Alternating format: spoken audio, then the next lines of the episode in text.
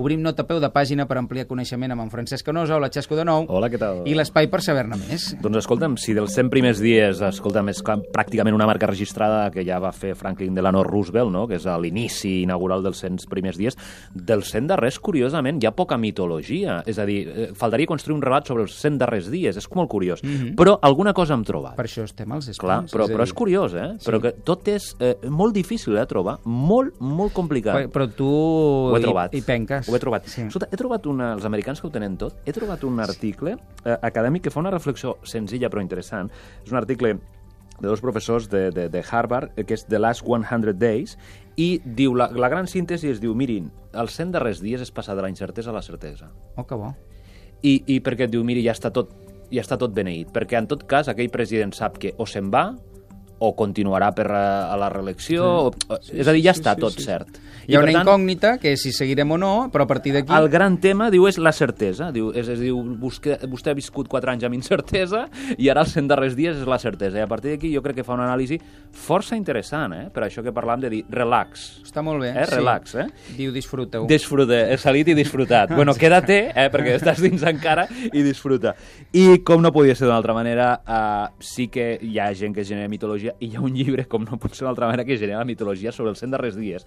Els 100 darrers dies del president Kennedy. Home, mític. Eh, eh, JFK, Last 100 Days. Sent, hem de dir-ho tot i no és humor eh, eh, sàdic, però ell no va poder preparar-los gaire els 100 últims Mm. No, dies. no, no, no. Perquè però, no hi comptava. No, no, no, però, però, però són... El, el llibre analitza aquest historiador, el, el Thornton Sí. Clerc, els 100 darrers dies i sobretot els agafa des d'una síntesi que jo crec que és eh, veure com en aquell moment, tant a nivell personal com a nivell polític, el president Kennedy està en un entremig Ah, està en una cruïlla. Sí. Val? I llavors ell el, els analitza, evidentment, sense saber... Un, o sigui, clar, el van assassinar, però per tant no sabíem que aquell home acabaria el, sen, el, sen, el, el, acabaria el seu mandat amb, una, amb un assassinat, però els analitza des d'un punt de dir...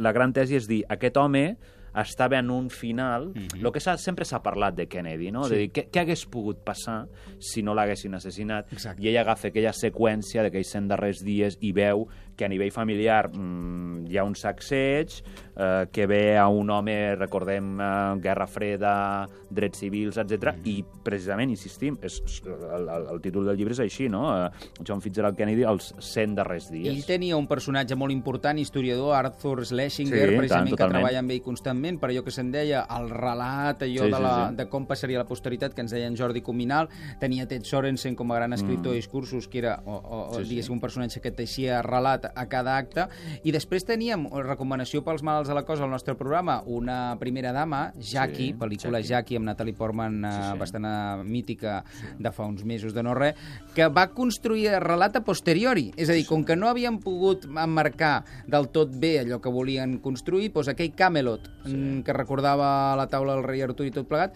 ho va crear ella una, en una entrevista posterior, 10 dies després de que l'assassinessin. La vídua d'Amèrica. La vídua d'Amèrica. Alguna coseta més? No, Cansa? jo crec que amb això Doncs fantàstic.